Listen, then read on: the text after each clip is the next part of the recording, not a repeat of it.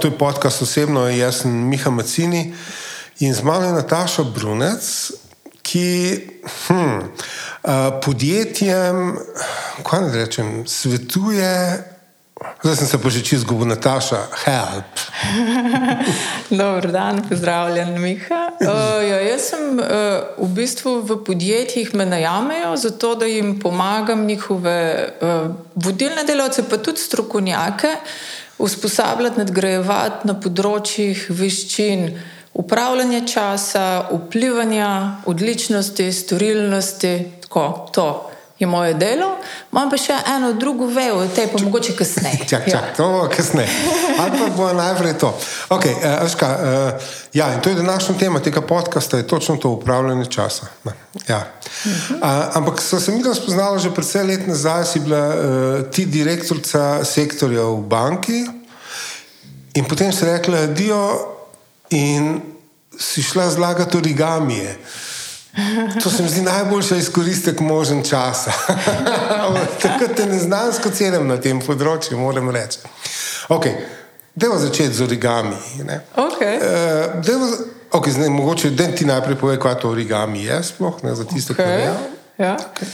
Uh, origami je japonska starodavna veščina zlaganja papirja. Uh, Japonci ne radi slišijo, da so si Kitajci tole sicer zmislili, pol se je pa še z Japonske, ki so največji mojstri tudi še danes, razširila zadeva prek te svilnate poti do Španije in pol vse evropske države in Združene države Amerike, tako da zdaj smo origamisti in origamistke po celem svetu, tudi v Sloveniji. Imate društvo? Ali... Povezana sem tako prek uh, socialnih medijev, prek družbenih medijev, v kakšnih uh, forumčkih, tako, ampak drugače so pa to tako po naravi, dosti introvertirani ljudje, ki radi zlagajo papir. ja. In to, in to eh, res delate neverjetne stvari. No. Jaz, eh, je, pa, eh, je pa dejansko, Japonci so obsedeni s tem, da mora biti vse zapakirano po večkrat. Ja, ja. Ja, tako tudi za potrebec dobiš zapakirano mini oblekco, ne, ki jo je neko rigami mojster nekako zložil. Ja, ja, pri njih je celo embalaža enakovreden del darila, tudi način, ja. na kjer ga podariš, kako to zaviješ, vse to je zelo tako kot imajo vem, umetnosti, kebane, bonsajev in tako naprej. Vseh teh za nas, dost, mi imamo vem, to na neki najbolj pragmatični ravni, oni pa to bolj sofisticirajo do najvišjih možnih ravni. Ja, ne se zdaj tle, jaz upadam, ampak tudi gramofonske plošče, jaz recimo japonske najraje kupam, zato ker če še ta pas, obi, ne, ja, že vse. Ja, ja. In zdaj mi je prišlo, mogoče kamulci, ki kupujejo te K-pop, ta korejski pop, ne, veš. Ja. On uh, CD je čist brez, mislim, je tam, ampak v resnici so pa vsi oni papiri, ki so zraven, pa posteri, pa škatle, pa vse se odpira in razpira. In je to dejansko impresivno, kaj ne rečem. Impresivno. Ja, zdaj, če se spomnijo, da imajo to ceremonijo zelenega čaja, ne mača čaj. To se prav mojstrijo, učijo se pri mojstrih in potem imajo neke nazive. Zelo tako. Um, Vse je razvito eh, in, in do vsega pristopajo zelo strukturirano, resno, hkrati je pa umetnost. Okay. E, zdaj bodo vsi mislili, je to zdaj podcast o upravljanju časa in ta dva blevetata o origami. ja, ok, bomo našli. Ja. ampak, ampak. Uh, ne, tle, tle bi se jaz vrnil na to točko, ki se mi zdi tako fenomenalen pogum. pogum. To, da si pač direktor v banki in pa rečeš, hm, ne, hvala, dio in greš zlagati origami. Odkje ti ta pogum? Mam, ja, zdaj, uh, najprej, naj ko se jih v času pogovarjava, okay. meni je strašno zanimivo na ključje. Uh, v soboto je bil radenski maraton in deset let nazaj, ko je bil radenski maraton, 18. maja 2013, sem jaz tam tekla pol maraton in na tistem teku. Sem jaz to premlevala, koliko jaz več nisem tu prav zelo srečna v tej službi, In potem sem to nadgrajevala še z nekaterimi drugimi uh, pač, uh, podatki, ki sem jih takrat imela na razpolago. Recimo to, da zdaj od tu naprej, ker sem bila takrat že 18 let. Ves čas na podobnih delovnih mestih, od tu naprej je samo še nekaj podobnega, in enih stvari sploh nikoli ne bom probala. Ne? Uh, In od malega sem jaz imela v sebi tako zelo neko to humanistično, družboslovno, jezikovno žilico, pa tudi to za estetiko, za likovno, bila sem modelarka in tako. In mene celo odraslo življenje, ko sem bila v tej najbolj aktivni dobi, me je to zelo matralo, da tega nikoli ne bom. In sem sicer za hobi nekaj risala, modelirala, delala, ampak nikoli tako, da bi se res poglobila. Pa še en podatek je bil, moja hči je ravno diplomirala in je že imela v bistvu zagotovljeno finančno neodvisnost na tej točki. To je za me, jaz sem v bistvu tako, da ne, da ne vzeti le vtisa, da sem neka eh, strašno. Uh, taka brzglava, ki sem se kar na hitro odločila, po 18 letih je to v meni tako dozorelo, da ko sem jaz na cilj prišla, sem tam tistim svojim bližnjim navijačem na kavi rekla: Jaz bom pa zelo odpoved dala. Pretekel je drug človek. Jaz sem se tako hiljali kot zdaj ti in en mi je rekel. Veš, kaj ti to malo se spoči, malo vode spi, malo pojej nekaj, pa prespi, pa se bomo pol spet pogovarjali. No? Drugi ja. so si pa mislili, dobro, da bi bil sam pol maraton, kaj je bilo še reči, ni vse. Sam res, zdaj, tokrat nisem tekla, tako da zaenkrat sem tleke se. okay.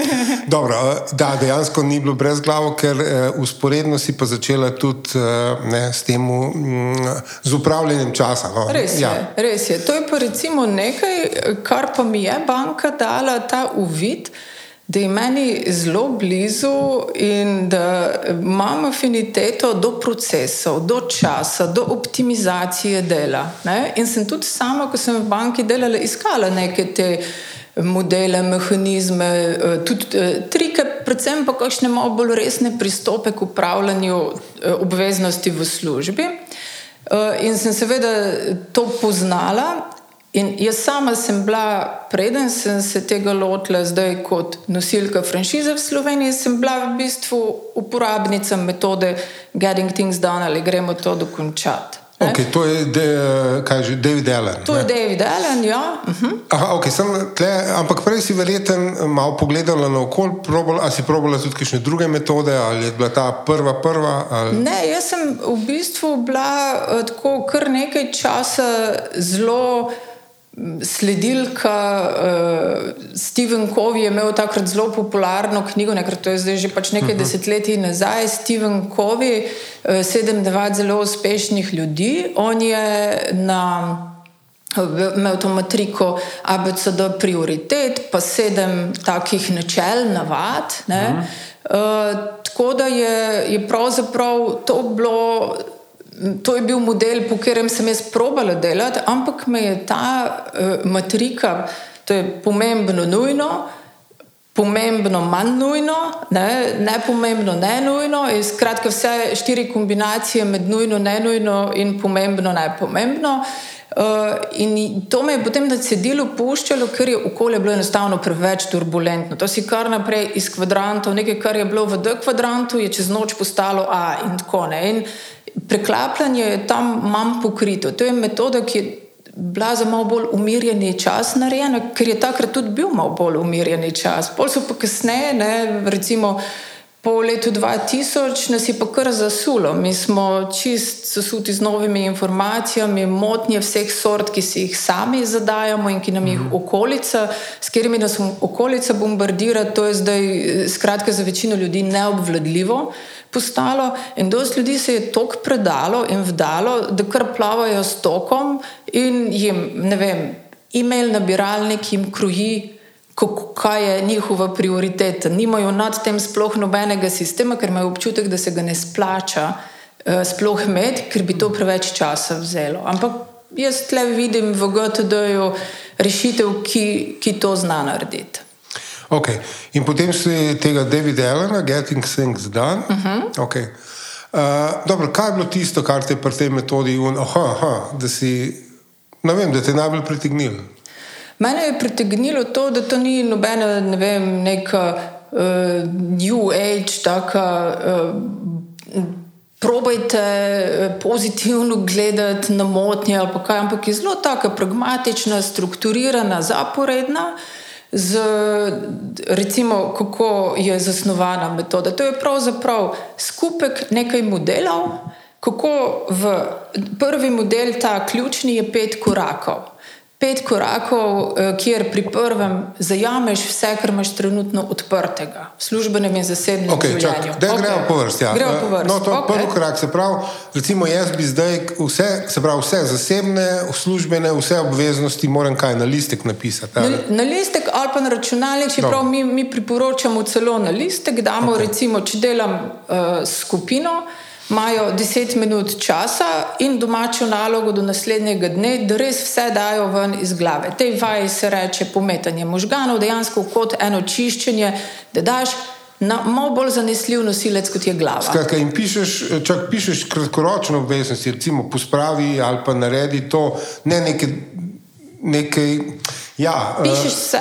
Vse pišeš. Pišeš vse. se, pišeš, uh, hočem na japonsko, Okej. pa kupi mačjo hrano, pa dokončaj dokument za šefa, Okej. pa uh, pokliči sestro, ker že dolgo nisi slišala. Se ali pravi, pa možgani ti, ali kaj takega. ja, možgani ti Okej. točno tako tudi generirajo, zelo random, službeno in zasebno, okay. in male in velike zadeve. In pravilo tega pometanja možganov, in tudi zdaj, uh, vi, ko poslušate, Mogoče tle ustavite, pa si vzamete, ponovadi enih 20 minut lahko človek piše neprenehoma, ne da bi mu zmanjkalo štofa, ki ga možgani generirajo. Ker pravilo je tudi, da napišemo stvari, tudi če jih imamo nekje na nekem seznamu, ker uh, ugotavljamo, da nekako nismo dobro te zadeve ali premislili ali uredili in zato smo se je ponovno spomnili. Okay. Ja. ja, zato ker možga, to se ta Zeitgartnik efekt. Možgani ljubijo, ljubijo zaključene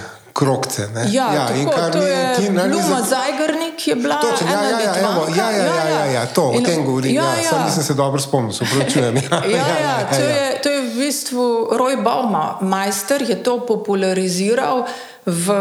Um, kaj je ta njegova knjiga Moč uh, discipline, uh, Moč volje. Moč okay. volje je prevedeno. Ja, um, in uh, The Willpower je originalni naslov. In on je to populariziral, je pa to bilo leta 1935, če se prav spomnim, je Bluma to naredila. In ti lahko povem še eno hecno anegdoto, kako je ta efekt Zajgarnikove bil potem raziskan, kako je ona sploh na idejo prišla so šli z raziskovalci na neko tako skupinsko večerjo in so naročili en kup hrane in pijače, vsak nekaj pač malo drugače. In je takrat prišel, si ni nič zapisoval in je zelo kompleksno naročilo pobral. In oni, ker so, pač, so bili raziskovalci, ki so se z možgani ukvarjali, so se tako, "O, me zanima, kako bo zdaj to vse pomešano prinesel. Ne? In ne, takar je pred vsakega in vsako položil točno pravo naročilo. Polje pa njo to začelo mučiti in so mu dali še nalogo, so pokrili s prtički in naj obnovi, kaj je kdo naročil, in ni več vedel nič. Zato, ker je za njega bi- bila zanka zaključena. Ja, Ne? ja, Tako. izvršil je svoje, ja, Tako, ja, ja. ja. Zdaj, v bistvu, pri pometanju možganov te odprte zanke nanizate na en list. Da. Čist nestrukturirano. Ja. ja. V redu, okay. Okay. Okay. Zdaj bi zamikali reči, in če se hočete spominjati svojega otroštva, naredite nekaj podobnega. Ja, ja, ja, tebe zelo tja, ja, tem mene tja potegne pelje, ja. ja. okay. Eh, Ampak deva, ostavimo zdaj pri zelo praktičnem svetu. To je bil prvi korak. Napisali smo skratka vse obveznosti, ki nam padajo na možgane. To je del Point, ne. prvega koraka. Fajn je tudi, če gremo še počistiti vse svoje beležke, vse svoje, recimo, digitalne noce, kamorkoli si zajemamo, tudi koledar pogledamo in vse. Tako da imamo pravzaprav vse, kar imamo trenutno beležk in kar se nam iz glave potem na papir preseli pred sabo. To je prvi korak. In, Okej. ja. In potem smo to popisali, in tega bo verjetno zelo veliko predvidevati. Tega je Jaz zelo mislim, veliko. Ogromno. ne? Ogromno. Ja. Okay. In potem gre ah, korak dva. Ja, pole že korak dva. Ne? Če je ta prvi, se mu reče zajem, torej zajamemo, zapišemo, ali pa včasih tudi fizično damo stvari na kupček. Ne? Pri drugem koraku mu rečemo razjasnitev, razjasnimo pomen. Ne? Clarify je v angleščini, zdaj gremo prav ena po ena. Na začetku, ko to vzpostavljamo, je kar velik dela. Okay, čak malo, zdaj imam jaz tam seznam, ne vem, pojdi v trgovino ali pa ne vem kaj. Razjasnitev česa. A grem res v trgovino ali ne? Kako se jaz to razjasnim? Kje, kje si boš opomnik, da če ga rabiš? Pri kakšnih zelo banalnih zadevah, ali trgovina, si boš samo recimo nakupovalni listek dal okay. v torbico ali pa v žep, da, da ne boš v trgovini brez tega. Opomnike si skušamo najprej sploh oblikovati in jih potem dati na mesto, kjer jih bomo rabili. Se pravi, nekaj pa tudi v koledar, verjetno upišemo. Točno pa, tako. Okay, ja. Nekdo si bo dal recimo ne listek v žep, ampak si bo na telefonu alarmček naredil okay. ali pa uh, enostavno dostopen nakupovalni seznamček. Zelo odvisno. In zdaj, ko to prepovedujem, te različne možnosti, ne, fino, ki sem prej vprašal, kaj meni bilo všeč. Meni je bilo všeč prvič ta strukturiranost in zaporednost, hkrati pa tudi zelo velika svoboda uh, za individualno noto. Ti imaš lahko vse na papirju, lahko imaš vse digitalno, lahko imaš eno lepo mešanico in zelo težko, ker mi se tudi uh, pač z uporabniki in tudi mi sami trenerji se družimo, ne srečaš koga, ki bi imel čist isto sistem postavljen, ker je sistem v bistvu razvit okoli tega, kako tvoje življenje poteka službeno in zasebno, za vse je pa speljan okoli tega, kako naši možgani delujejo. Ne? Eno je ta zankice, pa je pa še ena druga finta z kratkoročnim spominom, ki je pa tudi dokaj bogi, koliko so možgani krasni. Ja, od 5 do 7 stvari lahko vrtimo. Ja, ti si se zdaj spomnil tega Millerjevega magičnega števila ja, 7 ja, plus minus 2, ja, nekje ja, med ja. 5 in 9. Medtem ko je leta 91, je potem že to bilo znižano v eni študiji na 4 plus 1, leta 2011 je pa pol ena avstralka, mislim, Jean uh, Harrington z raziskovalci, oni so pa zdaj to na 3 do 4 v raziskavi. Ja, ampak naj je 3. Naj je devet, vsekakor je premalo, malo je, da bi mi ja. lahko samo s tem živeli. In glava ni dobra pisarna. To je eno od izhodišč in principov, ne držati v glavi, imejte dober sistem izven glave. In to gradimo. Okay, ampak jaz, ki ta, grem čez ta seznam in delam to razjasnitev, ja? a tle tudi kakšne prioritete postavljam. Ne, nujno, aha, ne, ne, ne, ne, to tle, samo. Zdaj, seveda, prvič, ko gradiš sistem, je malo več dela. Jaz doskrat ko razložim, to je tako, kot če bi zdaj ti hkrati pospravljal svojo hišo, ker nek sistem že imaš narejen uh mhm. -huh. in balast daješ stran, torej vsebino čistiš, po drugi strani pa zidaš novo platformo, na kateri boš to imel, ker mi ciljno to potem postavimo. Drugi korak je razjasnitev, pridemo k tretjemu, tam v bistvu bom povedala, kam umeščamo upomnike. Okay. Ja. E, tako da pri razjasnitvi mogoče samo še to poveva, da je ta um, pet pod vprašanje, ki pomagajo, in uh, da si razjasniš na šest mest, gre kjerkoli stvar, službena ali pa zasebna. Čak, vse, kar imamo, lahko na šest Tako, pozicij damo. Ja, na šest pozicij. Okay, okay, ne ne ja. govorimo še o prav. Eh, digitalno-fizično o mestu, ampak o šestih takih kupčkih po logiki. En kupček je, torej imamo neakcijske in akcijske zadeve, to je prva razdelitev. Akcijska, tle jaz moram nekaj narediti. Ja, tako, to, ja. čak, kaj pa ne akcijske? Ja, ne, pa zgodaj, ne akcijske so tri in akcijske so tri. Ne, ne akcijske so zavrzi. Aha, okay, ja. Daj samo v arhiv, nič ti ni treba narediti. Ja. Ali pa daj nekam zored, ker ni še pravi čas. Okay. Ne, ne, ne ja. bom se še tega lotila. Pa akcijske so pa tudi tri, tle recimo eno, ena full fine zadeva za spet za poslušalce in poslušalke, dvominutno pravilo. Karkoli lahko ko razjasnjujete, naredite v dveh minutah, napravite. Ker vam bo, če boste nekam zapisali in se kasneje vrnili k temu, boste porabili več kot dve minuti za to.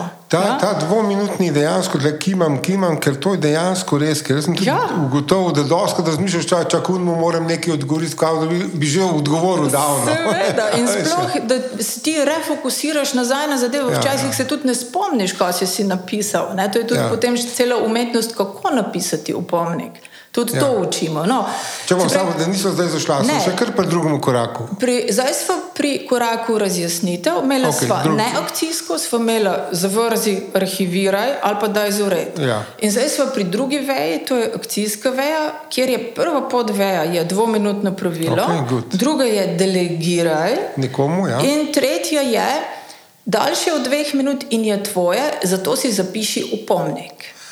Okay, okay. Ja, in samo te upomnike si potem zapisujemo. Ja, ne, ne akcijskih, okay. nič, dvominutne naredimo, pri delegiranem si naredimo upomnik, komu smo dali in kdaj pričakujemo uh -huh. odgovor, če nas sploh zanima. Uh -huh. Tako. Okay. Okay, lahko gremo zdaj na korak tri? Lahko. lahko Prvo na korak tri. Korak tri je.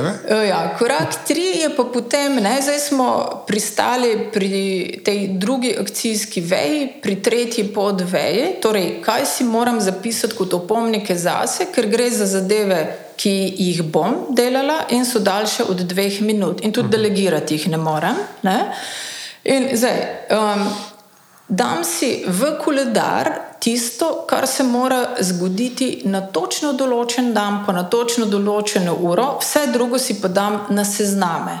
Zdaj, okay. v kakšni obliki si napišem opomnik v koledar ali na druge sezname v obliki, da opišem, kaj točno moram narediti, kaj točno je prva naslednja aktivnost. Eni bodo zdaj si predstavljali task ali pa upravilo. Torej, prva mala stvar, eno zložna, to ima formo.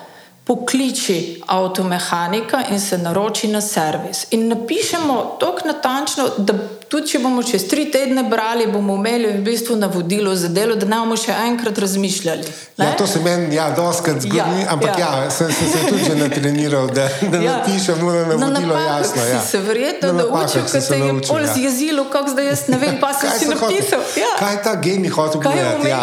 hotel uh, sporočiti ja, ja. sam sebi? Okay. Ja? In uh, potem sem omenila koledar. Zdaj, Koledar je recimo pretežni teritorij, na katerega se ljudje zanašajo pri upravljanju obveznosti, zato ker ničesar boljšega, ničemur drugemu ne zaupajo. Vejo, da glava zanesljiva ni, za najbolj nujne zadeve dajo v koledar. Pol pa koledar preveč napolnijo. Dajo tja tudi zadeve, ki se lahko dogajajo ne nujno na nek dan. In zato imajo to poln koledar, ker imajo probaj začeti delati osnutek tega pa tega. Eh, razmisli malo o tem. In to je vse tako amorfno, nedefinirano, in polk tisti koledar pogledajo, jih, jim ni mm. več nič fajn se lotiti, plus ne vidijo, kaj je čisti teritorij. Ne? Koledar naj bi bil čisti, jasen teritorij zasedenega placa, zato gre v koledar na dnevni ravni ta dan ob kjeri koli uri, ali pa ob tej uri moram biti tam pa tam. Pa še ena stvar, na ta dan moram vedeti to, pa to. Recimo, mojega šefa ni in moje delo v službi drugače poteka. Mm -hmm. Kako pa gledaš na to, da uh, si na, na, mi, upišeš namišljeni sestanek, zato da se malo spucaš glavo? Ja, to so, to so ti blokirani koledarji, ne, eh, kjer eh, ljudje v težavah, uh, ki so v tako turbulentnem okolju uh, in ne morejo nikoli sploh več najti časa, da bi v narekovajih delali. Uh -huh. Čeprav je vse to njihovo delo, to, da so na sestankih in vse to, ampak enostavno ne najdejo več mirne urice ali pa pol ure, da bi na enem dokumentu delali. To načeloma odsvetujemo, ker če je GTD sistem dobro postavljen, v večini okolij tega ne rabimo, so pa tudi podjetja s tako kulturo, kjer je to pač izhod v sili, in takrat jaz malo stran pogledam in pokimam, dokler ne bo boljše, pa pač to. Ja. Da, ja. Zdaj, umenili smo koledar, ne samo da dokončava, uh mhm. -huh. zdaj še tale uh, ostala mesta, je, so potem ostali seznami, ki jih pa ne, zelo malo je ljudi, ki zdaj to vodi peš na papirju. Običajno damo, uporabljamo tako, bom rekla, trojico. Eh, recimo, če ima podjetje um, Outlook, imajo potem Outlook koledar, ki ga že itak poznajo. Pa Tesk so tam ne naloge, ali niso? Ja, ja. Uh, Outlook mail, tam tudi včasih en del uporabljamo, ampak to pustimo zdaj, ker mi na delavnici recimo tudi mail počistimo skupaj. Uh mhm. -huh. Prav, da imajo samostojno delo in jim pokažem par fint, kako se da tudi zelo, zelo um, bogato založen nabiralnik hitro počistiti. Um, no, in tretja, ta uh, od trojke, je pa potem lahko so ta upravila ali taski Outlookovi, uh, še, še bolj pa je nekako, uh, vidim pri slovenskih, pa tudi mednarodnih uporabnikih, v bistvu OneNote priljubljen, ker se zelo okay. dobro zna pogovarjati z Outlookom, ne to je Microsoft. Uh, to so kaune 3M nalepkice, ne? A- a je? Kakšne nalepkice? A so tri emal, kaj une rumene, ki jih lepeš po hladilniku. tako? A je to ta princip? Mičken drugač. Ma, to je ena, ena pritiklinica, OneNote, drugače so to v bistvu seznami, bolj spominja mogoče na en fascikel z predeljnimi stenami.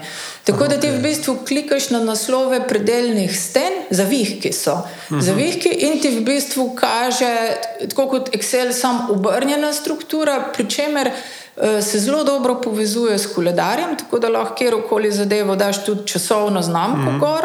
Eh, Pa eh, naučim potem tudi, kako povezujejo te neke večje sklope, kot ne vem, kupi avto, temu rečemo projekt, to je neka večja zgodba.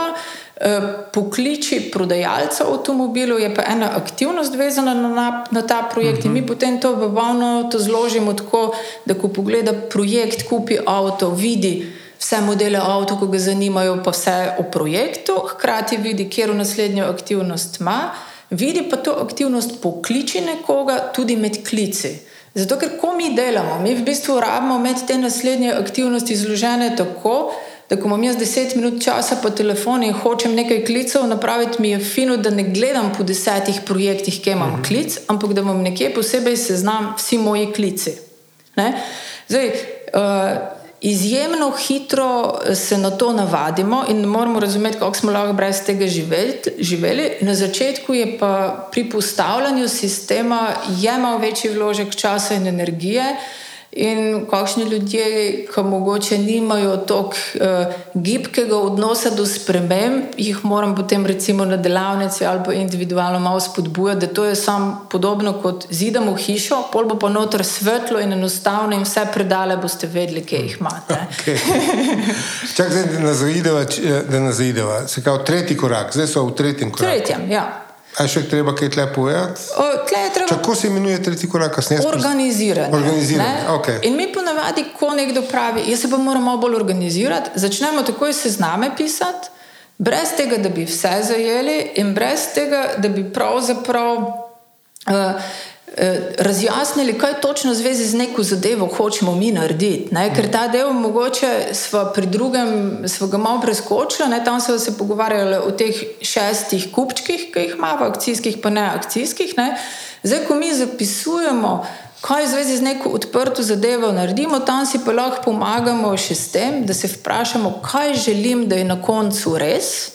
V zvezi s to odprto zadevo in kaj je moj prvi akcijski korak. To, zato sta pol outputa ime projekta in ime naslednje aktivnosti. ne? Okej. Tako. In sistem imamo zdaj narejen, eh, delavnici naredi večina že kar velik del tega. Ne? Organiziramo potem tudi še mail, ne? ker je ogromno stvari tam. Zdaj, eni se odločijo, da upomnike, ki izhajajo iz mailov, pustijo kar v mailu. Uh, večina pa kar raje, oziroma tako, zelo je odvisno od tega, koliko mailov na dan dobite. Če imate tam nekje do 30 mailov, je pametno vse opomnike imeti v enem sistemu, recimo v OneNote. Če imate pa mailov na dan 100, 150, v takem primeru si pa potem dve podmapci obli- oblikujemo v mailu in potem uporabljamo mapco aktivnost, uh, kjer imamo maile, na katerih mi moramo nekaj narediti. Okej. Ne? Tako. A se pomaknemo na četrti korak? Lahko, lahko, ja. Ki se imenuje? ki se imenuje v bistvu pregled in premislek. Okej. ne. Uh, to je ena taka refleksija. Pogledamo teden nazaj, pa teden naprej.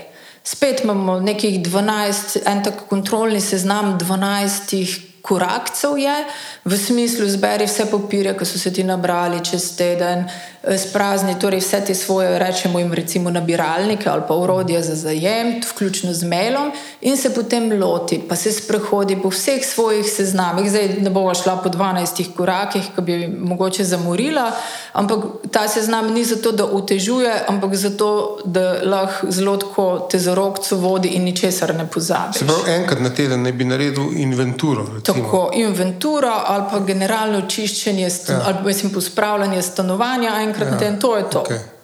Ja. In uh, zdaj, kaj je ideja tega tedenskega pregleda? Priporočamo kratki dnevni pregled, konc dneva, 5-10 minut, samo da vidimo vse listke, imamo nekje pač že prepisane v obliki upomnikov in tako, da ni nekega balasta preveč, če se nam pa kaj izmuzne med tednom. Temu je pa namenjen ta tedenski pregled in predvsem temu, da zadobimo en tak malo bolj oddaljen, celovit pogled na celoto naših obveznosti in da se premikamo s pravo hitrostjo proti zadanim, eh, pač ne vem. Eh, rokom zaključkov ali pa tudi kvaliteti tega, kar želimo na koncu narediti.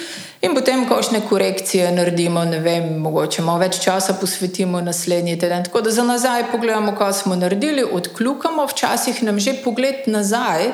Ne, vidimo, ja, na tem sestanku sem bil, aha, ko sem odhajala, mi je Matija rekel, naj on Excel pošljem, pa sem si pozabila napisati, ker sem šla na drug sestanek. Sam tisti sestanek bom videla, pa se bom spomnila in bom Matiji, ker tudi na tem tedenskem pregledu dvominutne zadeve kar naredimo, če jih lahko. Uh mhm. -huh. In kar tam pošlješ Matiji v Excel in delaš naprej. Vse, kar pa uvidiš na tedenskem pregledu, da je daljše od dveh minut, pa na novo napišeš. Okay. Tako. Tako da zdaj imaš eh, v bistvu kot nek output vse te zgodbe, je, da imaš nekaj izven glave, kadarkoli možnost pogledati, kaj so vse moje večje zgodbe, na katerih delam, te večje zgodbe jim rečemo projekti v metodologiji, če koga izraz moti, lahko poimenuje drugače. In uh, kaj misliš, koliko ima povprečen človek v najbolj aktivni dobi teh projektov? Če šteješ zdaj tako, da je to tudi ja. avtomehanik in vse to, ja. kjer imaš več naslednjih korakov. Ja, jaz imam zdaj trenutno nekje med 40 in 50 odprt. To je zelo tako običajno, mislim, ti si na zgornji meji, med 30 in 50 ima večina zelo aktivno vpetih ljudi. Mm. Gre pa pri nekaterih, ki pa mogoče potem nekatere projekte imajo bolj v obliki neke nadzorne funkcije, recimo, kakšni top menedžerji morajo vse blago spremljati, včasih tudi ja, do sto stvari. Ampak velika večina se pa nekje med 30 in 50 nahaja in seveda si ljudje pomagajo že preden. Poznajo GTD na neke načine, eni tudi intuitivno vpeljejo, ne vem, dvominutno pravilo, pa kakšne druge stvari, ali pa enkrat na teden se vsedejo, pa si malo uredijo. Tako da, ja, to je zdaj bil uh, četrti korak, ne, zdaj pa. Ja. Kaj je pa bolj še v petem koraku? ja, povej, povej, kaj je v petem. Ja, v petem koraku pa pol delamo, ker vse, kar smo prvi štiri korake delali, smo v bistvu načrtovali delo. Okay. In v petem koraku delamo, in potem je pa tudi, tudi zdaj, kako si iz tega sistema projektov in naslednjih aktivnosti sploh zbereš. Kaj delati v nekem trenutku. En tak koncept, ki zelo lahko pomaga, je, kje se omejitveni kriteriji so trije, ne? kje se sploh trenutno nahajam. Če sedim v pisarni pred računalnikom, lahko trenutno delam uh, samo nekatere zadeve, ki jih tam lahko delam, ne morem vrta okupavati, če imam to tudi na seznamu. Ne? Zato mi tudi že v tem tretjem koraku sezname tako zložimo, glede na kontekst. Prej sem omenila klici, en ko vrtnari bi imel tudi pod seznam vrt. En bi imel, ne vem, taščina hiša, dom, eh, na poti med službo in domom, in teh pot se znamo, to so naslednje aktivnosti, ampak jih imate pač lahko samo tri, lahko jih imate osem, odvisno od mhm. tega, kje se nahajate, kje delate, kje so vaša, vaše naslednje aktivnosti ali upravila. In, um, tako da, ja, to je. Um, pri teh uh, kontekstih, ne, to ljudi nočem zdaj preveč zbegati, uh, to je ljudem čist novo, ampak je strašno praktično. Ne, zato, ker tako kot so navajeni na kupovalne sezname, mete, v trgovini rabiš uh, seznam, kjer vidiš, kam moraš kupiti. Tako včasih rabiš, ko si slučajno v mestu, bi lahko nekam pogledal, kaj imaš v mestu za postoriti. Uh. -huh. ja, in to takrat, ko odlagamo pri drugem koraku, ko torej dajemo na sezname, že na pravi seznam damo. Zdaj smo mi dva pri koraku pet delovanja in smo pri omejitvenih kriterijih, ali pa rekli bi lahko tudi, to je kot en lijak. Uh -huh. Ker najprej ti prostor ali kontekst, kjer si, malo zoža nabor možnih stvari, ki jih lahko delaš. Drugi element, ki ti zoža, je čas ki je na razpolago, ne, do naslednje aktivnosti, ki jo imaš, recimo, uh, imaš mogoče 20 minut do naslednjega sestanka, če se sem lotila. nekega poglobljenega dela, zelo ne morem delati, nekaj bolj enostavnega. Ne? Uh -huh. uh, in potem tretji element je pa energija. To, na kar sploh malo kdo kdaj pomisli. A zdaj, bom raje po telefonu z nekom govorila, sem tako nastrojena, ali bi mi bilo bolj fino delati na enem dokumentu, ker, ker imam to neko tako malo bolj introvertirano energijo uh -huh. trenutno. Uh -huh. In če ti trije umejitveni kriteriji ne pripeljejo do tega, da bi videl, to bom delal, ampak je teh zadev še zmeraj več, pol se prioriteta tu pojavi, ker si jo verjetno pogrešal. Okay. Da, pogrešal ja. sem priznam, priznam, da sem jo pogrešal. Ja, ker una prejšnja, eh, ko sem Kovijo omenjala, to je ta Eisenhowerjeva matrika. Uh -huh. Uh, večina ljudi v bistvu, kaj je pomembno, kaj je nujno. Ampak to, kar se ti z glave spomniš, da je pomembno in nujno, takrat včasih sploh ni izvedljivo. In glede na to, da nisi napisal vsega, sploh ne vidiš mogoče res najbolj nujne zadeve, ampak tiste, ki najbolj kriči na te. Uh mhm. -huh. ja. uh mhm. -huh. In mi pa tukaj pri GTD metodologiji imamo potem še en model. Ne? En model je teh pet korakov, drug model je pa ravni usredotočenosti. Okay. To je pa tako, kot na najvišji ravni je, vem, recimo, da ostane v službenih okvirih. Um, namen delovnega mesta, poslanstvo tvojega delovnega mesta. Kaj v bistvu, zakaj te je služba najela, kaj bi ti naj tle hmm. dajal od sebe ali pa dajalo od sebe. Ne?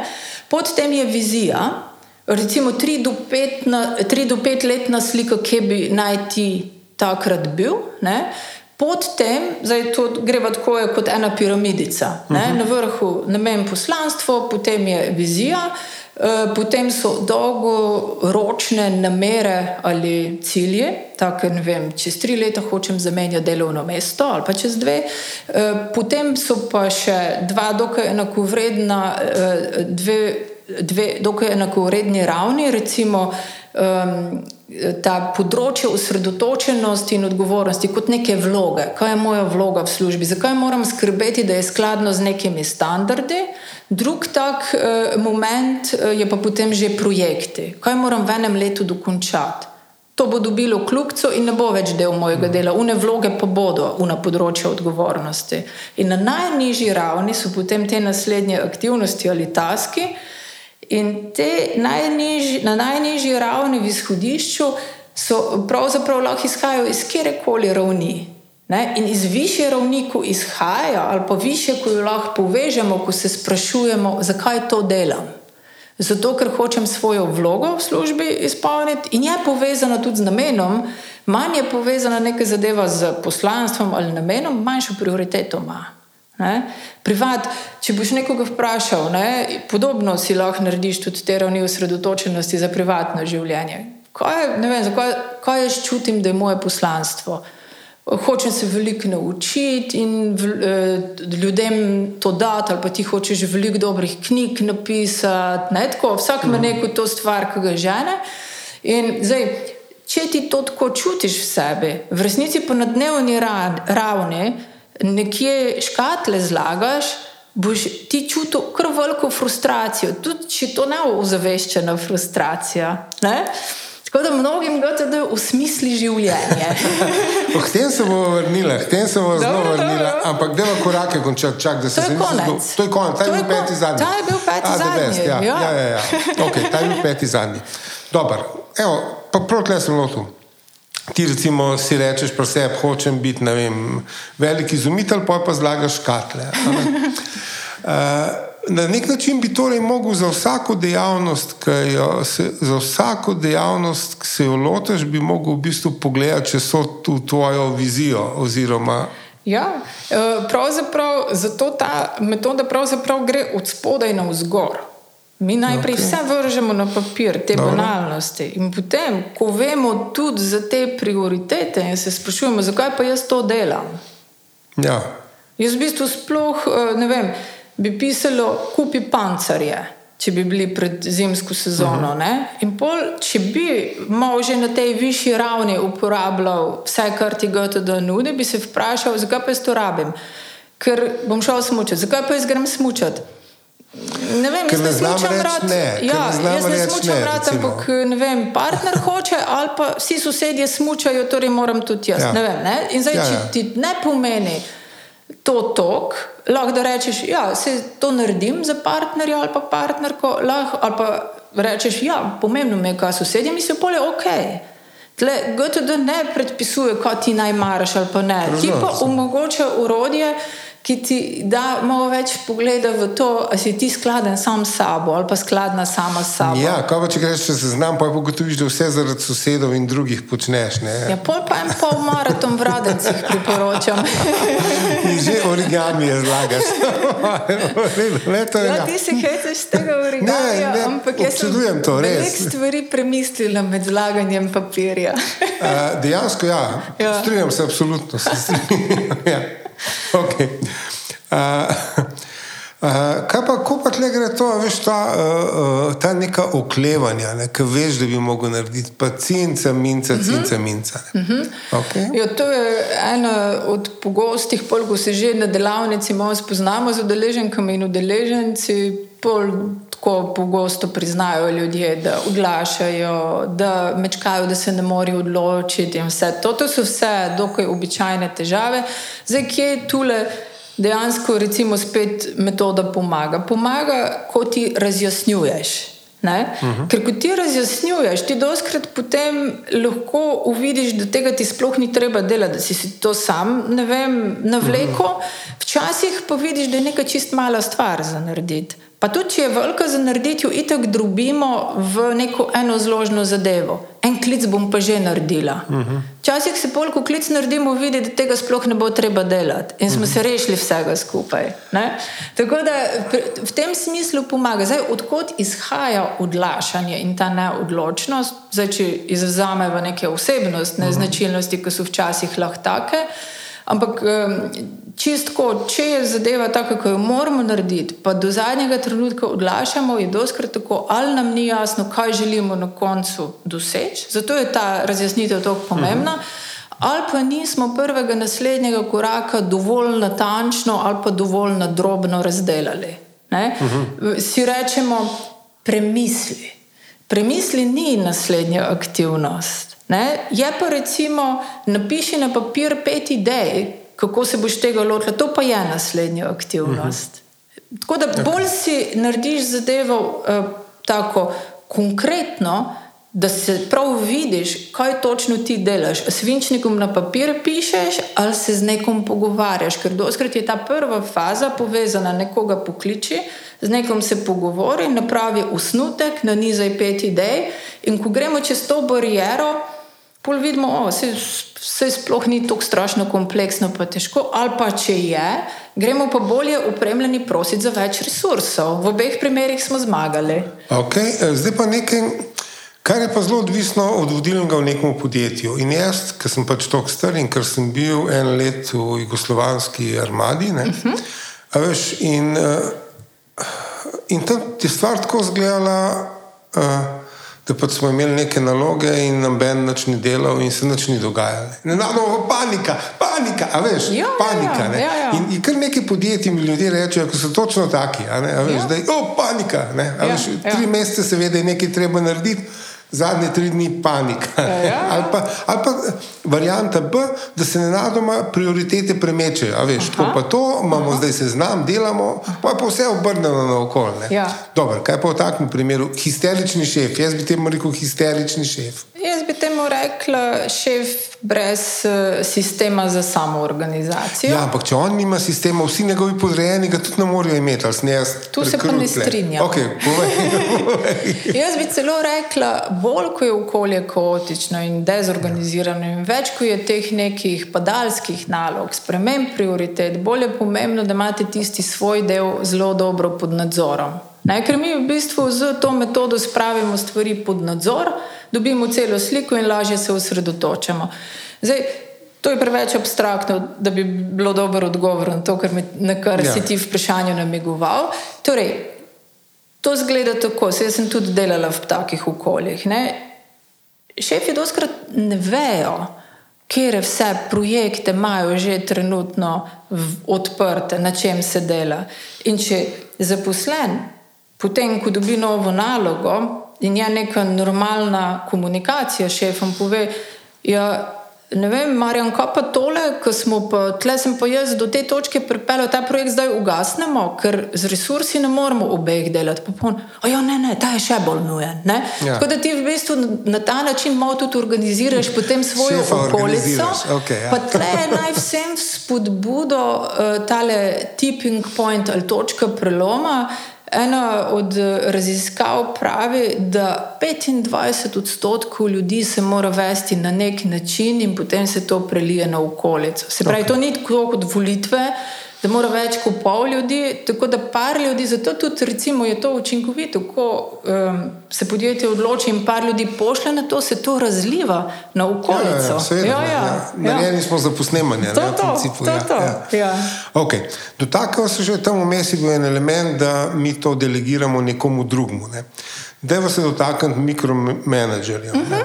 Ker so meni osebno so neznosni, zato ker dejansko mikromanager ponižuje svoje sodelavce s tem, da jih smatra za nesposobne kretene ali pa za nerazvite otroke, ne? ki jih morajo skozi paziti, na mesnih delati in tako. Konkretno, jaz davno leta nazaj sem delal kot programer, prišel yeah. Ja. sem neko firmo. Na pogovor z direktorjem, kakšno programsko opremo naj jim sprogramiram, in on je imel na mizi ogromen kup, ogromen kup priročnikov za programski jezik, v katerem sem jaz delal. Uh -huh. Zdaj, prostite, kaj pa je to? On reče, ja, pa moram se naučiti programirati, da, bom lahko, da vas bom lahko kontroliral, kako programirate. On se več s tem ukvarja, kot ja, s vodenjem. Ja, potem, uh mhm. -huh. Jaz sem ga srečal, jaz sem rekel, samo najlepša hvala in sem šel z Bogom in sem ga srečal čez leta ja. in mi je rekel, da je dejansko on sprogramiral vse. Aha. Je pa tudi res, da firma je pa propadla. No, ja. Njih je on sprogramiral ja, in firma. Šefa imela, ja, ja ker ni šefa imela, ker je imela programerja. In to je resnična zgodba. Dobar, kako z mikromanagerji početi? Ja, zdaj to je tle. Tako prosti, prekinite, sta ja. dve pozicije. Da, vi, da vi niste mikromanager, pa da imate šefa mikromanagerja, to je prva pozicija, druga je pa, da ste vi mikromanager. Uh -huh, ok, uh -huh. gremo te prvo. Vi niste šef, je. Ja, jaz bi rekla, da ta mikromanagement lahko iz, običajno iz dveh eh, razlogov nastaja. En je, da je napredovanje v podjetju, da iz dobrega strokovnjaka potem napreduješ po hierarhiji v sfero vodenja. In to je Petrovo načelo. To je Petrovo načelo, prej ali slej se zatakneš nekje, kjer več ne obvladaš, in to je doskrat potem ta zgodba. Ja. In zdaj, seveda, takšen človek niti ni narejen, niti ni tako strašno želel vodja, biti mogoče nikoli ne bo dober vodja. Ne, zdaj, ne moreš mu ti kot zaposleni tega povedati, upaš, da ja, teče pol maraton, pa uvidi to. Ali pa enostavno, če si ti zaposleni pri njemu ali pa pri njej, uh, mikromanagement lahko izhaja tudi iz strahu da ne bo narejeno, iz nekega tega strahu, da bo to pol name slabo luč vrglo. Ne? Uh, in če ti z, si zanesljiv, uh, vse, kar dobiš delegirano od šefa, šefice, narediš, uh, vse tako kvalitetno, kot veš, da ima kriterije postavljene. Sčasoma potem tebe ne mikromanedžira več. Mislim, da je v veliki meri ali iz zelo globinskega poznavanja zadev, ko ti dejansko slabše narediš kot on, ali pa ona misli, da bi moralo biti, ali pa iz tega, da so na napačnem mestu. Zdaj, če je prvo v takem primeru, če ti daješ outpute, ki so adekvatni temu, kar ta človek misli, mislim, da tebe potem pusti pri miru. ok, ja. dobro, ok. Vse mikromenedžerji ponavadi, pa kaj pa je s tem, nekateri celo vidijo, no, kdaj ja, pa kdaj. Ne? Ja, predvsem ja. zdaj pametno je, če imate to v sebi, ne, ker to je malo tega nekega. Mm, negotovosti. Ja, malo negotovosti, pa malo te kontrolerske. Ja, ja, ne, ja, ja. To je iz tega izhaja, ja. da si varnost, neko, mislim, zanesljivost, varnost hočeš skozi ja, to ja. Eh, zagotoviti. In uh, zdaj na dolgi rok itak tako ne moreš funkcionirati, ker se skuriš, ker je, mislim, so ljudje, ki delajo to na dolgi rok, ampak ponavadi zbolijo. Uh, tako da ni, ni to pametno. ja, dejansko je res. No, jaz se spomnim, sem bil tam na, v Angliji, sem bil na neki prireditvi in tam poleg te prireditve, na kateri sem bil jaz, Ja. so uh, delili nagrado za neko poslovne, življenjsko za nagrado, no, za poslovneža leta. Ne, Ja, kaj, ja. ne. In to je starejši gospod in je prišel na oder in rekel, da je bil na začetku mikromanager in da je firmi šlo slabo, njegovemu zakonu je šlo slabo, njegovemu zdravju je šlo slabo. Je pa čudi. ugotovil, da, je- da, je, a veš, da lahko delegira stvari in pa je firma ratala uspešna in Ja. zdravje in zakon vse se je izboljšalo. Ja. Uh, Samo še en moment, Ja. tle, če, ne, ker tega pa niso tam, so samo rekli, unoveja, delegiraš. Ja, ne, pri ja, GTD-ju. ja. No, če si še zabeležko narediš, komu si delegiral, to zelo, narediti, ja. Ja, to zelo ja. pomaga ljudem, da, se, da ne paničarijo in ne mikromanedžirajo še dodatno. Sem zdaj ja. pa ti povem, jaz, neko, jaz pač delam na večjih področjih. Eno področje je umetniško, drugo področje je poslovno. Uh Mhm. -huh. Če se jaz na poslovnem področju zmenam uh Mhm. -huh. za nek sestanek, lahko tudi čez tri mesece je to v koledarju, jaz pridem, oni pridejo, vse je v redu. Uh -huh. Če se na kulturnem področju. Mhm. Tam je malo bolj. Uh, Uh, moram jaz jih klicati, če bodo prišli. Oni me kličejo in se mi kličemo, kličemo, veš, tako kot majhni otroci se kličemo. Uh, in, Dobro, ja. in to verjetno treba zabeležko pa narediti. Ja. Uh, mislim, tako, jaz sem delala tudi eh, te, ta eh, individualni trening, že tudi s kom iz umetniške sfere. Ne, jaz ne bi tako posplošila, je pa verjetno tega več. Zdaj, tudi zakaj? Zato, ker v nekem poslovnem svetu, če drugega ne, so te pa vsaj na neke te treninge poslali, ali si pa zato si v poslovnem svetu že po naravi malo bolj strukturiran, zaporeden. So ljudje, ki imajo to oboje malo, eh, dokaj uravnoteženo, ne, ta asociativni pa zaporedi- zaporedni strukturirani del razmišljanja. Večina je pa bolj nagnjena v eno ali pa drugo stran. Ne. In um, pri teh um, malo bolj umetniško orientiranih ljudeh zadeva še zmeraj, če bi se jo učili, če bi jih nekdo samo do točke, kot jo oni rabijo, učil, se tudi naučijo. Uh -huh, uh, sam manjka pa tega, plus kultura je potem v celem okolju taka in tudi, če nisi takšen bil, se mogoče lahko potem s časom nalezeš, če ne paziš. Ne? To je kot kultura v podjetju. Absolutno. Ja. Deva še kaj reči o perfekcionistih. Ne? Ja. O ljudeh, ki delajo v neskončnost, ki, eh, rojevajo te naloge in projekte, mm -hmm. zato da so zaposle, eh, zasedeni. Ne? Ja, k- kaj z njimi? Ne? Mislim, sami znajo zakapirati, da so perfekcionisti, verjeten, ali pa bodo, no, mogoče pa bodo. Jaz sem tako Ja, optimist. to si zdaj tako veliko temo odprl. Okej. Ja, to je red, mislim, tudi če zakapirajo, se zelo težko tega znebiš. Ne? To je tako kot ena taka prisilna zadeva, lahko da iz vzgoje izhaja, lahko da zato, ker, ker pač tako zelo zunanjo potrditev iščeš, ali skratka, lahko je negotovo. Skratka, perfekcionizem je lahko marsi, mislim, razlogi za perfekcionizem so lahko zelo globoki in sploh težko jih je identificirati. Ampak um, jaz, mi smo se o tem veliko pogovarjali tudi z ostalimi trenerji, pa z Davidom Melenom, kot s perfekcionisti. Ne, perfekcionistom je malo, oni imajo tle nevarnost, da tule spet ta sistem skušajo perfektno imeti. Ja, ja, seveda. In en od osnovnih principov, ki ga mi imamo, je, ne iščemo popolnosti. Vi boste prej ali slej boste padli. Tako v narekovajih v vodo, se pravi, ne boste zaplavali, boste, ker bo preveč novih stvari prišlo, da bi jih vi lahko mrljivo zabeležili kot upomnike na prava mesta, ampak jih potem ta dnevni, pa tedenski pregled umirjata. Uh -huh. V bistvu sam da ve, aha.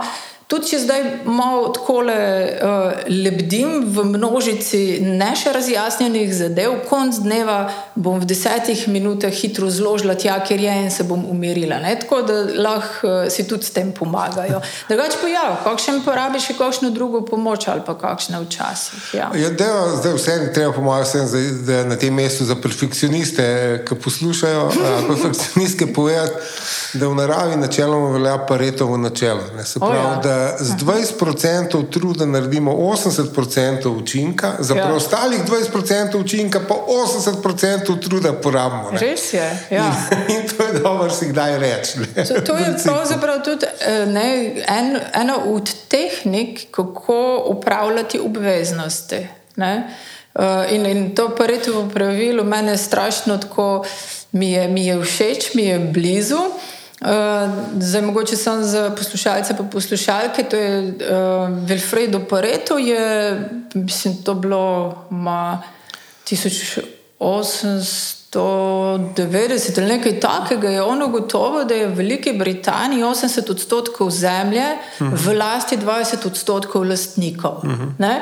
In potem uh, on je ekonomist bil. In potem kasneje so pa sociologi ugotovili, da se to pravilo pojavlja na res nenavadnih ja, mestih, ja. to, kar ste mi jih povedal. Pa recimo ne COVID, če nismo čist pozabili, prvi val COVID je šel po paretovem pravilu, 20 odstotkov nediscipliniranih nosilcev virusa je 80 odstotkov virusa raznoslo. Da, ja, ja. okay. tako da ja, zanimivo. Um, ja. Zdaj, or, uh, v bistvu, mi smo zdaj govorili skozi o organizaciji rečo, delovnih nalog poslovnega življenja. Deva pa kaj reči tudi o organizaciji prostega časa. Uh mhm. -huh. okay, najprej, seveda, je treba povedati, da so si razliko med službenim in prostim časom zmislili meščanstvo v resnici. Uh mhm. -huh. Prej tega ni bilo, ne. to je staro uh, par stolet, mogoče. Uh, ampak to pa spet zginja. No. Verjetno se je to zgodilo in pojavilo in bo spet zginilo, ker danes je um, to neka razlika med službenim in zasebnim časom, ne, uh -huh. je šla vedno bolj gre v maloro. Tako da, um, zato pa se mi zdi, da smo zdaj v bitki za prosti čas. Uh -huh. Ja, uh, mislim, tu se strinjam s tabo, da je uh, pač uh, ta zlitost službenega in zasebnega, uh, ali pa da se to vse bolj zabrisuje, ali kako bi rekla. Uh, pa mogoče COVID tudi še dodatno prispeval s tem delom od doma, ne? ker jaz tudi vem, da ko sem začela kot uh, sama svoja na trgu delati, ne? meni je bilo to težko preklopiti, da sem, bila, da sem si morala delo uh, izmisliti, uh, zmedižirati in potem še narediti. Čak, uh, da mogoče pri tej organizaciji zasebno, jaz tudi, ker sem bil mislim, freelancer, se pravi samostojni. Uh, sem se mogel na neki točki zavesti in prav prosil, da nisem delal v pižami. Ja, ja, to je moraš si enostavno ena pravila, neke rutine si moraš vpeljati. Uh -huh. Prvo kavo spijem v pižami, druga kava ali pa čaj mora biti pa že, da sem pripravljen, kot da grem v službo. In potem delam en blok časa in tako ne, zdaj, ko sem se vrnila potem k um, temi, ki so jo prekinila. No, torej, um, bloki časa in odmorov. Ne? To je tle. Um, Neuroznanost pravi, da možgani tudi rabijo ne, počitek, sprostitev na za možgane primeren način. Ker dosti ljudi, ki v pisarnah dela, pa so tako nekako to ni fizično delo, ko bom utrujen, vse sam v papirje gledam. Ne? Ja, tvoji možgani so se utrudili. Nekje na približno 45 do 100 minut, to je za, za to odvisno tudi od tipa dela, od konkretnih možganov, bi si morali vzeti 5 do 15 minut eh, pauze. Uh, Pauzo si pa moramo vzeti ne tako, da recimo gremo filat možgane za Facebook uh, stimulacijo, ampak da gremo vem, naravo pogledamo, en small talk udarimo z neko, mogoče malo pomeditiramo. Sprehodimo se. Sprehodimo se, predvsem moramo vstati, ne, ker sedanje je ja. pa spet cela ena ja, ja. huda zgodba. Ne. Tako da ja. Uh, to je zdaj, uh, zdaj to zlivanje, uh, ko sem ga pa prej začela obravnavati. Poleg tega trenda, da je vse sam še delo, pa ni več prostega časa, je zelo močno prisoten v zadnjem času, to si tudi z COVID-om je eksplodiralo. To, je pa um, v bistvu ta 32-urni delovni čas ali pa strnjeni delovni čas, ker je še zmeraj 40 ur, ampak stisnjenih v 4 dni. Tako da 4 dni delaš po 10 ur, ampak imaš 3 dni dolg vikend. Uh mhm. -huh. Tako da to dvoje je zdaj že kar nekaj tudi. Recimo Islandija je imela od 2015 do 2019 so imeli enega največjih pilotov na svetu, na množici, mislim, 2500 ljudi. In uh, so ugotovitve zelo spodbudne. Uh, zdaj, kar se statistik tiče, imam jaz eno, enega britanskega svetovalnega podjetja, za 22 odstotkov se je produktivnost povišala, ne? in za 66 odstotkov se je absentizem zniž, znižal. Um, in te, to je nekako uh, se je zdaj uh, oblikoval en tak 180-100 model, torej za 100-procentno plačilo, uh -huh. delaš 80 odstotkov časa, pri čemer daješ 100 odstotkov outputa. Ker ravno zato, ker delaš bolj fokusirano, veš, da te potem čaka daljši uh -huh. vikend, uh, si to pripravljen narediti. Ja. Okay, uh, zdaj, sem se spomnil, da no, nedavno je Microsoft objavil nekaj raziskav, ki so samo to naredili da so se ljudje, imeli so ljudje, ta skupina je imela, ena skupina je bila tako, so imeli sestank za sestankom za sestankom, uh mhm. -huh. druga skupina je pa vmes imela 15-minutni sprehod, dejansko ja, sprehod ja. Po, po parku. Ja. In nevrjetno, kako se je zvišala učinkovitost v njih, se sprehodili in stres se je blazno zmanjšal. Ne? Normalno, vsem normalno. Ja, ja. Mislim, dejansko se moramo pregibati. Ampak je pa tle recimo še nekaj drugega. Ne? Mm, treba je pa tle vse vedeti, da sodobna organizacija najprej v 19. stoletju tovaren uh mhm. -huh. veš, in potem pisaren in vsega tega, uh -huh. uh, so jo prevzeli iz plantaž. Na plantažah so pa prevzeli iz galej, a veš, ne? in to, da si tam zdiš in veslaš, veš, skozi veslaš, ne glede na to, bioritem, čakaj malo, veš. In to je norost, ki mi odplačujemo še kar v principu. Ne? Ker... Ti si zdaj odveslal v ta 996, ali nisi? Ja. ja, v bistvu, ja, te Kitajci. Ja. Okay, uh, uh, ampak to se bo umirilo, jaz mislim. Kaj pa večji problem, kar se pa manjkrat vene, da ameriška ideologija temelji na puritanizmu, ne, se pravi na povzročanju trpljenja. In njih včeraj sem prebral en dolg intervju uh, z Elonom Maskom, ki je grozoten nasprotnik uh, dela od doma. Ja. In potem je on novinar lepo sesekal vse argumente, ki jih Elon Musk ima, da ljudje, uh mhm. -huh. programeri ne bi delali od doma. Uh -huh, uh -huh.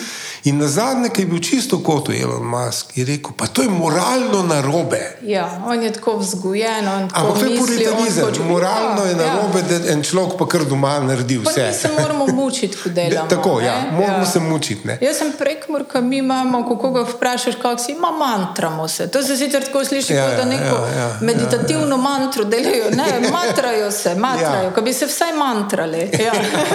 In le pridemo do slovenske pridnosti. Ne? A veš, to imamo jaz nekaj predavanja o tem uh, in pa na firmah tako neki čuden gledajo.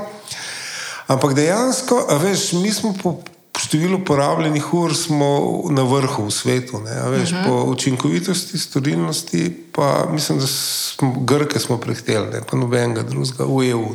Ja, ja. Veš, in ta razlika med tem, koliko se je treba delati, koliko se je treba matrati, ne, mantrat, pa, ja, ja. mantrat, koliko pa mi to naredimo se mi zdi pa nek tak grozoten precept, ker, ker smo ujeti v to. Veš, sej, mm -hmm. Mene ne vpraša, nihče v življenju ni vprašal, še Miha, kaj si naredil. Vsi me sprašujejo, Miha, kaj delaš. Veš, ja, ne, ja, ja, veš, ta ja, ja. nedoločenih dela. Ne, veš, eh, in zdaj, a lahko s to metodo organiziranja časa, jaz ne vem, ali se ljudje, ki pridejo k tebi na te tečaje ali pa na te delavnice, a se zavedajo, da sem nekaj bistvenega.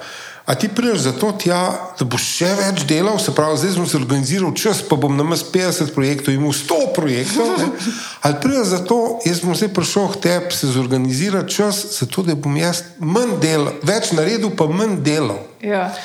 Mislim, vsekakor zaradi tega drugega. In zdaj, recimo v podjetjih, ker delam že od samega začetka, ne, 8 mhm. let je zdaj to. Eh, so seveda potem sodelavci en drugemu povedali, da ne, to ni tako, kot misliš, ne bo tako, da bo, da bo še več. V bistvu ti bo ful lažje, ker ona veliko govori o tem, da se je treba tudi spočiti, pa si usmisliti tisto, kar delaš. Ne, ker to so poante. Sej, mm. GTD ni mišljen tako, da te še bolj ožame. Uh, David je enkrat razlagal, David Allen, utemeljitelj metode, enkrat razlagal, da uh, pravzaprav se on tega lotil zato, ker je opazoval, kako neracionalno, neoptimalno so ljudje vpeti v svoje delo in, in tako kot mravljce nekaj delajo, ne delajo pa prave stvari, nimajo pregleda nad tem. In tudi zato, ker on je rekel, jaz sem hotel svoje lastno življenje imeti kvalitetno preživljati. Ne? In sem proval nek tak sistem naumiti, ki zdaj univerzalno deluje na vse. Tako da ne, mislim, da tega strahu ni. Jaz ponovadi eh, predstavim na, ne, pač, eh, na, na način, da končni cilj tega je, kako en tak umirjen nadzor prepele življenje, se pravi, kar zložiš iz glave, ne boš. Ves čas v stresu, ko sem pozabil, kaj moram narediti, in tudi, ko kaj novega prileti v tvoje življenje, pogledaš, zdaj, če gori, gasiš, če pa ne gori, pa pogledaš v sistem in vidiš, da ja, se lepo lahko sinergično to dvoje skupaj naredimo super. Ali pa rečeš, ja, tega pa ne moremo, ker ni resursov, ampak imaš črno na belem, v dosti boljši poziciji si. Zdaj, zakaj smo mi, ko si umenil, toliko eh, časa porabimo, efekta pa mogoče ne toliko, ne imamo toliko dodane vrednosti, lahko da delamo. Pa nekateri delamo, delajo na napačnih stvarih, Drugo pa lahko je delo slabo organizirano pri izvajalcih ali pa pri teh, ki bi delo morali organizirati, torej šefih in uh mhm. -huh. eh, lastnikih. To je pa nadzorna funkcija lastnikov in vse, eh, ali pa nadzornih svetov, to so vse povezane zadeve. Jaz bi rekla, da se izboljšuje ta kultura pač, eh, in, in znanja v tem, in tudi veščine. Tako da, glede na to, da na tem trgu. Eh, delam v obeh vlogah, zelo pa že 30 let, pa bi rekla, da se je precej popravilo. In upam, da gremo v pravo smer. No? Ja. Da bi povedal, pa zdaj, pač 8 let imamo zdaj te delavnice in to. Pa, na čem pa so ljudje, recimo, najbolj, tako, kaj vidiš, kakšne zanimivosti, tako, kaj so največji te trdi orehi, ki jih je treba sredi, kje se zatakne, te situacije, recimo, kaj. Ja, Umeli smo recimo to neko neodločnost, to neko zmedo, premalo pregleda, potem tudi mogoče težavo s tem, kako ukrotiti šefa, ki kar naprej menjava prioritete. To smo že se pogovarjali. Taka ena zadeva, ki jo pa tudi vidim, je pa dosti ljudi potem kar eno tako pozicijo žrtve zavzame in uh -huh. pusti, da jih okolica boksa levo in desno in delam to, kar šef pravi in niti sami proaktivno nič. In potem jih upravnomoči jih ta metoda, ker vidijo, Ja, se, to pa mogoče res bi prepričalo tudi mojo okolico, pa vi moč dobijo nazaj v svoje roke, bi rekla. Ja, no? ni, veš, ja. Slovenstvo zelo nagrajuje eh, žrt, a veš, vlogo žrtve. Ne? Je tudi ja. zelo pričakovana in jo je težko zapustiti, priznajva. Težko zapustiti, to je recimo Karol Dweck ima uh, to knjigo o tej togi miselnosti, pa tej miselnosti rasti. Okay. In ta toga miselnost je, da se postaviš v pozicijo žrtve, uh, okolice te, te tišči, iz okolice uh mhm. -huh. težave prihajajo, jaz nič ne morem, ne splača se truditi, ker nimam talenta. V bistvu vse je dano, ali pa me muči. Uh mhm. -huh. Ta miselnost rasti je pa pravzaprav, da. Um, Jaz imam nekaj, uh, tudi če nimam talentov, lahko z uh, tem, da se potrudim, zdaj ni to takšen trud, kot ne, se bom matral, ampak uh mhm. -huh. zato, ker me to veseli, ker me to smisel. Bom nadgradila svoje znanje, veščine, bolj ta neka miselnost um, začetnika. Ne? Pri nas je sramota biti začetnik uh -huh. in sramota narediti napako. In tega se ljudje zelo bojimo, uh mhm. -huh. ker smo bili mogoče tako uh, hitro potlačeni v otroštvu ali pa pri vzgoji v šoli, ker šola je hotela samo da nazaj. Ponovimo, kar so nas mm. naučili, eno že ven izstopati, pa to. Ampak ja, tudi to se, po moje, kar, kar dobro v določenih okoljih spremenja. Ja, jaz, jaz sem optimist. okay, na listku imaš optimizem. ja, ja, ja. okay, treba verjetno tudi to povedati, da uh, za tiste, ki jih je zdaj to, ki je preveč, da obstaja tudi knjiga, da je videla, da se je ja. ti prevedla. Ja, sem ja. prevedla takrat knjigo. Kako je ja. naslov knjige?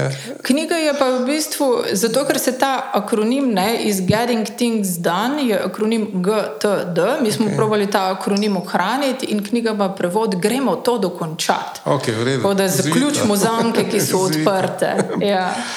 A, jaz se ne vem, sva prišla skozi, ima še kaj tasg zapovedati? Ne, mislim, da smo kar. Uh... kar pokrila ta, ta ključna področja. Ja. Ok, se pravi, na pisanje seznama. Zdaj sem se spomnil. Tam, ti, tam si rekel, da te še tisti muči, ker sem uno, une ravni usredotočenosti ja. razlagala, pa da pomaga lahko mi to, da potem tudi bolj usmisli delo, ker bi se bilo pametno za mnoge stvari vprašati, zakaj jih sploh delam. To, to se mi zdi, ja. ja. ja, ja. uh, ker zdaj se, če tega psihoterapeuta Adlerja se spomnim, ki je rekel, se življenje vam neznansko olajša. Eh, če se vsakič, ko se kaj pojavi, samo vprašate, čigava naloga je to narediti, čigav problem je to, je moj ali od koga drugega. Ja, ja. Ker vse veš, ljudje si drug drugemu podajamo. Ja, to so neki stanik. Ja, ja, ja podajamo si. in potem je včasih se dobro ustaviti ja, in pregledati svojo torbo, koliko malho, koliko se nam je nabrali tujih kostadijev. Tujih ali pa takih, s katerimi mi več nimamo povezave. Jaz tle na delavnici včasih eno anegdoto povem, da uh, pač nekdo, ki ga poznam, ne, uh, ob sobotah pere avto. In vem tudi, da je oče od tega, zdaj že gospoda, okay, ja. ob sobotah prav avto. Ampak oče je bil v tisti avto zelo ljubljen, enega kadeta je imel, to je glancev, poliral, užival. Njemu je to bilo pač uno, flow delo po ja. Mihaju, čik zant Mihaju. Ja, ja. Ampak ta moj bratranec, pa jaz uh, zdaj sem izdala. Ja. Jo, jo, to bip bomo ja. naredili. ne, ne, sej, to, uh, to ni skrivnost. Ne. No, v glavnem on, on pol tam pere tale avto in spremem. Ja, zakaj pa se gleda čist pa lep? Ne. Ja. Ja, sobota je. Ne, to, ja, ja, ja. Bo, pa zdaj, da nam sam v drugih, ne, jaz sem recimo odraščala v familiji, kjer je bilo v soboto eno tako skoraj že generalno čiščenje hiše. In mhm. v soboti sem odraščala. Uh, hiša, ne vem, tako res ogromno dela, mučili smo se, cela familija. Ja. In na koncu sem tam na kolenih, unefranže na tepihu z glavnikom česala, do take jo, ja. perfekcije je to šlo. Ne? In potem, ko sem sama imela svojo družino, sem na en sončen dan me hči vprašala, takrat, če uh, tako se stara, da smo na igrišču hodili. Ne? Vprašala mami, greva ven na sonček. Sem rekla, ja, ne moramo, je sobota, kapucamo tle. In ja. bolj sem tako samo sebe ujela, ne, ne, peva, peva, van, valjda. Ja, ja. Pa, mogoče bo to revolucionarni podcast za mnogo življenj. Upam, da ne bodo vsi imeli umazanih avtomobilov in e, stanovanj. Ne, ampak si predstavljaj sam že nekaj, ko otrok pride iz šole uh, in že starš leti mu nalogo delati. Veš, že to uh, vprašanje. Ja. Čakaj, odžgal je zdaj to, ja. je za narediti. No, tle lahko povem, da mnogi od teh uh, ljudi, ki so v tej vlogi, kot sem zdaj jaz, da učijo druge, so svoje otroke naučili, ampak ne za na ta način, da bi na delavnico, ampak ja. tako. Tle gre za par logičnih vprašanj. Mhm. Problem mava, torej odprta zanka. Kaj želiš, da bi, kaj bi se moralo zgoditi, ali pa kdaj bi bil ta problem rešen?